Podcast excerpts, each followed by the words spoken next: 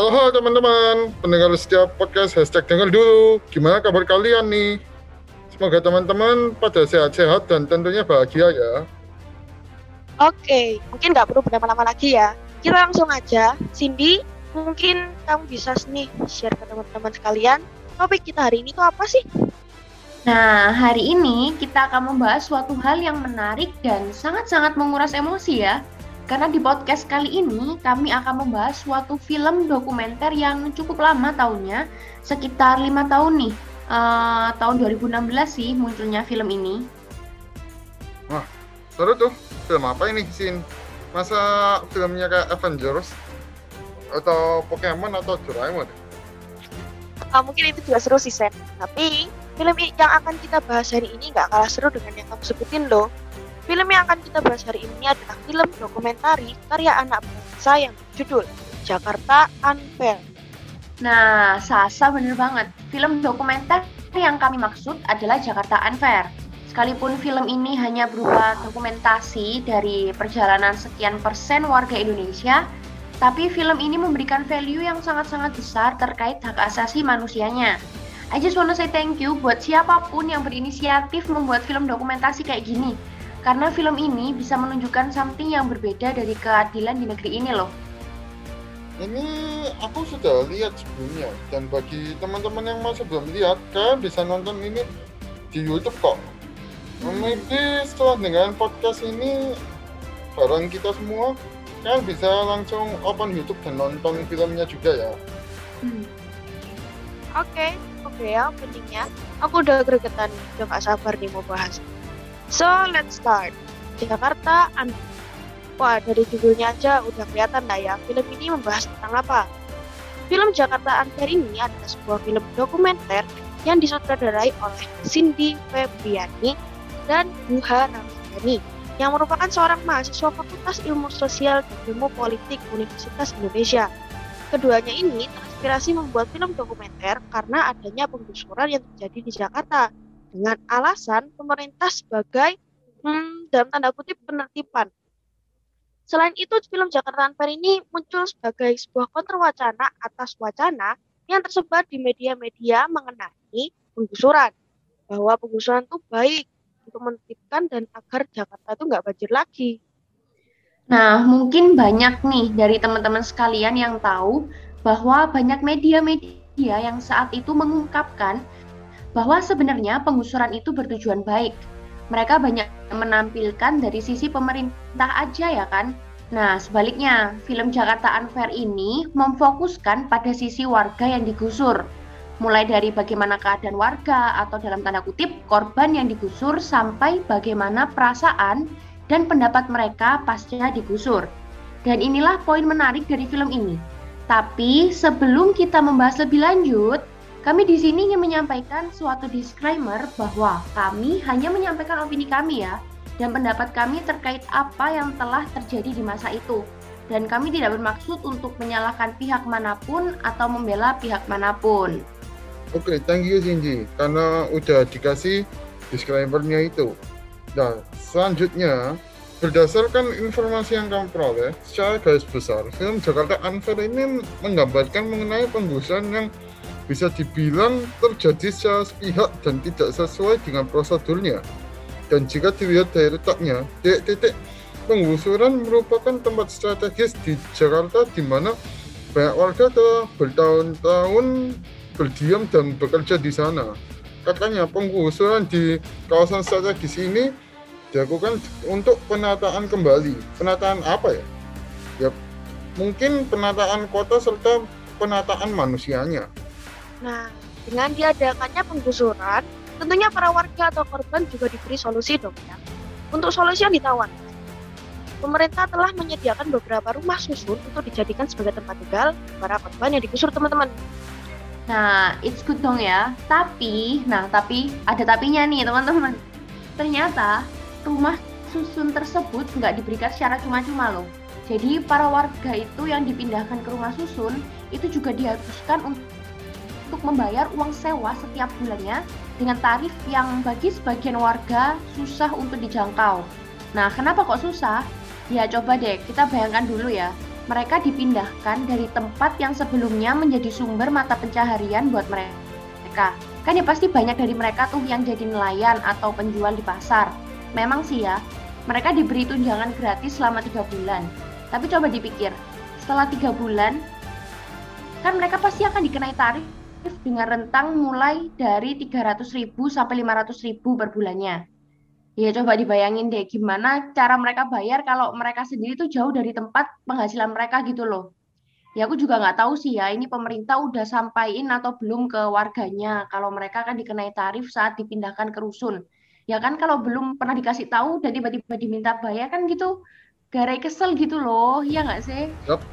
Bener bener bener bener. Aku juga tahu sih itu garai kesel banget. Dan mungkin bagi beberapa warga tersebut tentunya untuk harga segitu agak susah sih ya apalagi mengingat mereka mata pencahariannya sangat sederhana.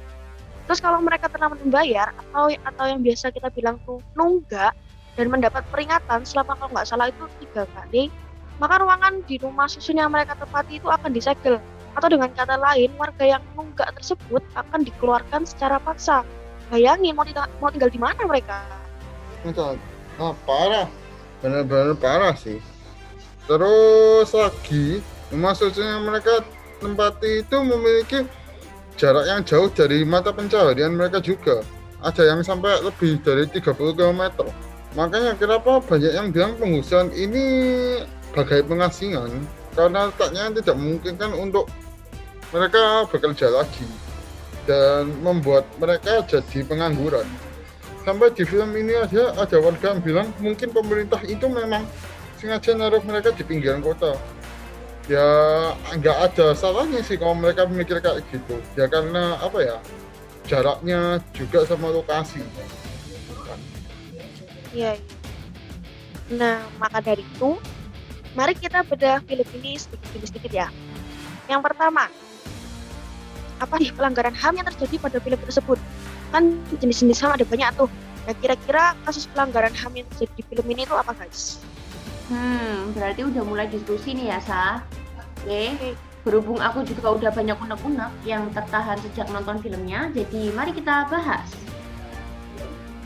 Kalau misalnya bagi pemerintah, rumah mereka itu membuat suasana kita jadi tidak atau kurang teratur, ya kenapa nggak dari awal aja pemerintah memberikan larangan khusus daerah-daerah itu untuk tidak dijadikan tempat tinggal.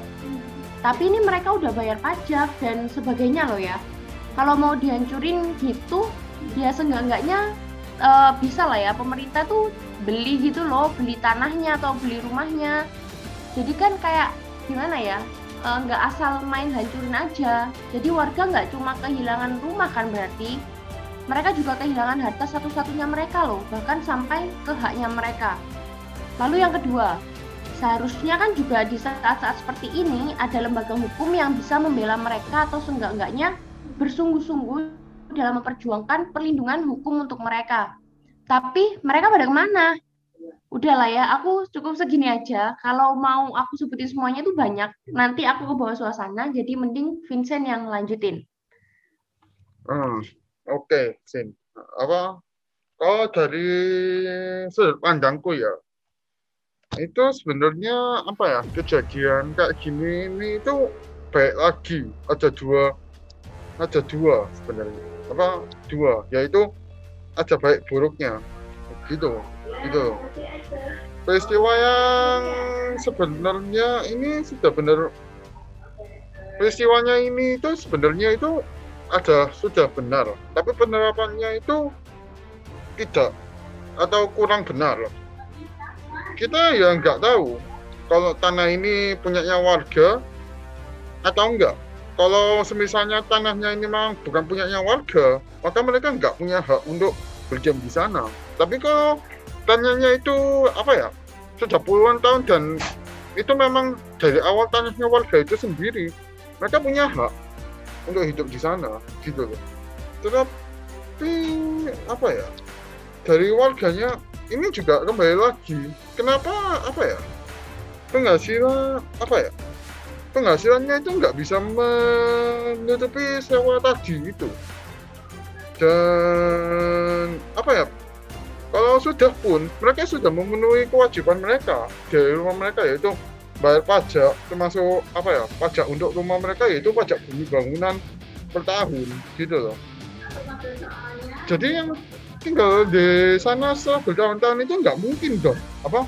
Tiba-tiba kamu suruh apa ya bayar bayar apa sewa dalam waktu bulan terus apa ya lebih mahal daripada yang seharusnya. Apa? Bukan lebih mahal maksudnya dipaksa kayak bagaikan ditukar tambah gitu loh. Warganya itu dipaksa tukar tambah oleh pemerintah. Gitu juga ada lagi dari keterampilan warganya di mana mereka itu apa ya ada yang apa ya seperti yang di pasar ikan yang ada di dalam film apa Jakarta Unfair. Maaf ya spoiler sedikit. Itu mereka itu apa profesi utamanya di sana itu nelayan yang berarti di kelautan. Dan apa ya warga sekitarnya itu kan berarti kan pekerjaannya berdasarkan penghasilan apa sumber daya alam yang ada di sana gitu loh. Terus tiba-tiba dipindah dari tempat yang jauh dari apa tempat kerja utama mereka. Dan mereka itu juga struggle untuk bertahan hidup. Dan akhirnya apa ya nggak bisa memenuhi kebutuhan hidup mereka dan transportasinya yang mereka pakai apa ya nggak punya transportasi yang memadai untuk ke kembali bolak-balik ke sana gitu ke tempat kerja juga jauh. Ini bukan menyelesaikan masalah tapi tambah menambah masalah. Kenapa karena nanti muncul lagi pengangguran akibat dari keterbatasan warga itu juga gitu juga dari adaptasinya warga itu sendiri balik lagi ke pihak yang menggusur.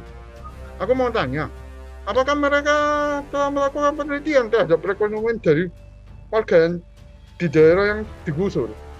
Apa mereka itu cuma apa melakukan penelitian dari lokasi yang ada di Jakarta aja tanpa memperhatikan warganya sama sekali? Kalau apa ya mereka sudah melakukan, tapi kenyataannya dapat dilihat kalau akhirnya warga dari daerah itu bertambah. Adanya masalah lagi. Berarti ini belum selesai sebenarnya gitu loh. Apalagi kamu lihat lagi apa ya dari itu dari yang daerah digusur apa ya untuk jadi reklamasi. Sebenarnya kalau kamu lihat itu ya yang bagian barat itu bisa untuk jadi apa ya tempat perniagaan dan tempat itu tempat pemukiman. Karena memang nanti pada akhirnya itu apa ya yang bakal menempati di sana itu memang yang bakal punya yang apa pengusaha dan yang punya uang banyak. Tapi ingat lagi bukannya kalau itu jadi tempat industri. Apalagi kalau industrinya tepat bukannya bakal jadi apa ya atau mata pencarian yang tepat itu bukannya mah ada sisi positifnya yaitu menambah pekerjaan. Adanya lapangan pekerjaan itu. Oke. Berarti kalau emang warga tersebut memiliki surat atau sertifikat yang sah atas tanah tersebut berarti ya sebenarnya nggak diduga dong ya warga dipindah secara paksa gitu. Oke, mungkin udah cukup jelas ya, udah cukup panjang juga mengenai jenis pelanggaran haknya. Udah cukup panjang dan menggebu juga ya kita ini jelasinnya benar. Oke, kita move on aja ya. Yang kedua, siapa yang menjadi korban dan siapa yang menjadi pelaku dalam kasus pelanggaran hak ini? Apa pemerintahkah, gubernurnya kah? Atau bahkan presidennya? Oh, korban di sini pasti warganya digosok itu. Namun untuk pelaku ini masih apa masih itu masih terlalu besar. Soalnya soalnya apa tanda tanya apakah itu keputusannya siapa? Pemerintahnya bawahan presiden atau presidennya? Itu yang masih menjadi tanda tanya siapakah yang memutuskan hal ini? Iya, betul banget, Sen. Karena kan gimana pun di satu sisi yang seharusnya merencanakan pembangunan itu adalah pemerintah, tetapi presiden juga pastinya ikut andil dalam menyetujui proyek tersebut ya. Jadi uh, mungkin bisa dibilang pelaku dari kasus ini adalah keduanya ya. Tapi sekali lagi ini cuma opini kami bertiga di podcast kali ini. Nah, di film ini juga banyak warga yang menjuluki mereka mereka sebagai yang atas di mana yang atas dalam tanda kutip itu sendiri adalah sebutan untuk presiden dan pemerintah-pemerintah lainnya. Tapi ini memang ada blind spot sih di sini ya. Kita sebagai warga negara itu nggak pernah tahu apa yang sebenarnya didiskusikan atau direncanakan oleh pemerintah di balik layar ini. Karena kita di sini kan sebenarnya nggak pernah tahu gitu. Ada cekcok apa saat suatu perencanaan atau uh, saat diskusi apa ya kan? Kita kan tahu taunya cuman oh kok tiba-tiba jadi gini tiba-tiba jadi gini kayak gitu. Uh, aku ya setuju dengan itu sih. Menurut kalian apa terus rekomendasi penyelesaian pelanggaran HAM tersebut apa ya?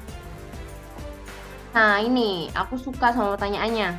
Hmm kalau menurut aku sih, pemerintah itu perlu membuat suatu sistem yang lebih terstruktur dan berencana serta memberikan tunjangan sesuai harga rumah atau harga tanah yang mau digusur.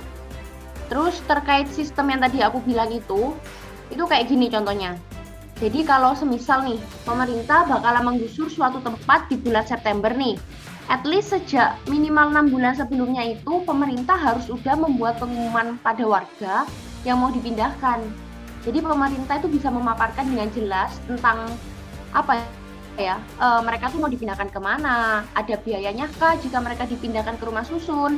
Dan di saat-saat itu I mean sebelum waktu pengusuran pemerintah juga bisa membekali warga-warganya dengan ilmu untuk berbisnis dan membantu mereka untuk setidak-tidaknya memulai bisnis itu. Tujuannya untuk apa? Ya supaya warga itu nggak merasa tiba-tiba udah kehilangan segalanya gitu loh.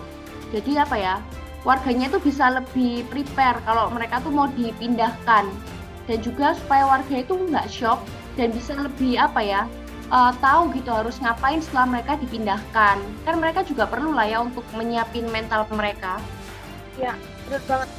Berani bertindak juga harus berani bertanggung jawab dong ya kalau pemerintah itu berani menggusur para warga ya at mereka juga harus memastikan bahwa para warga tersebut itu nggak dirugikan. Jadi semisal nih yang tadi sini sebutin ya warga itu diberi pelatihan jadi kayak diberi ilmu berkreasi kayak berbisnis kayak bikin apa kayak jualan apa kayak gitu loh. Jadi seenggaknya mereka juga memiliki simpanan ilmu bisnis kecil-kecilan yang bisa diterapkan nantinya. Jadi ketika warga tersebut dipindahkan ya setidaknya mereka bisa cepat adaptasi dengan wilayah barunya dan bisa mendapatkan pekerjaan di sana jadi warga tersebut itu nggak sampai nganggur gitu loh. Kan kasihan mereka juga. Dan karena mereka tidak bisa mendapatkan pekerjaan dan harus membayar uang sewa rumah susun itu ya kita juga nggak bisa nyalain mereka dong yang terus-terusan memberontak dan melakukan demo agar bisa mendapatkan keadilan. Ini itu sebenarnya menguras emosi ya. Apa?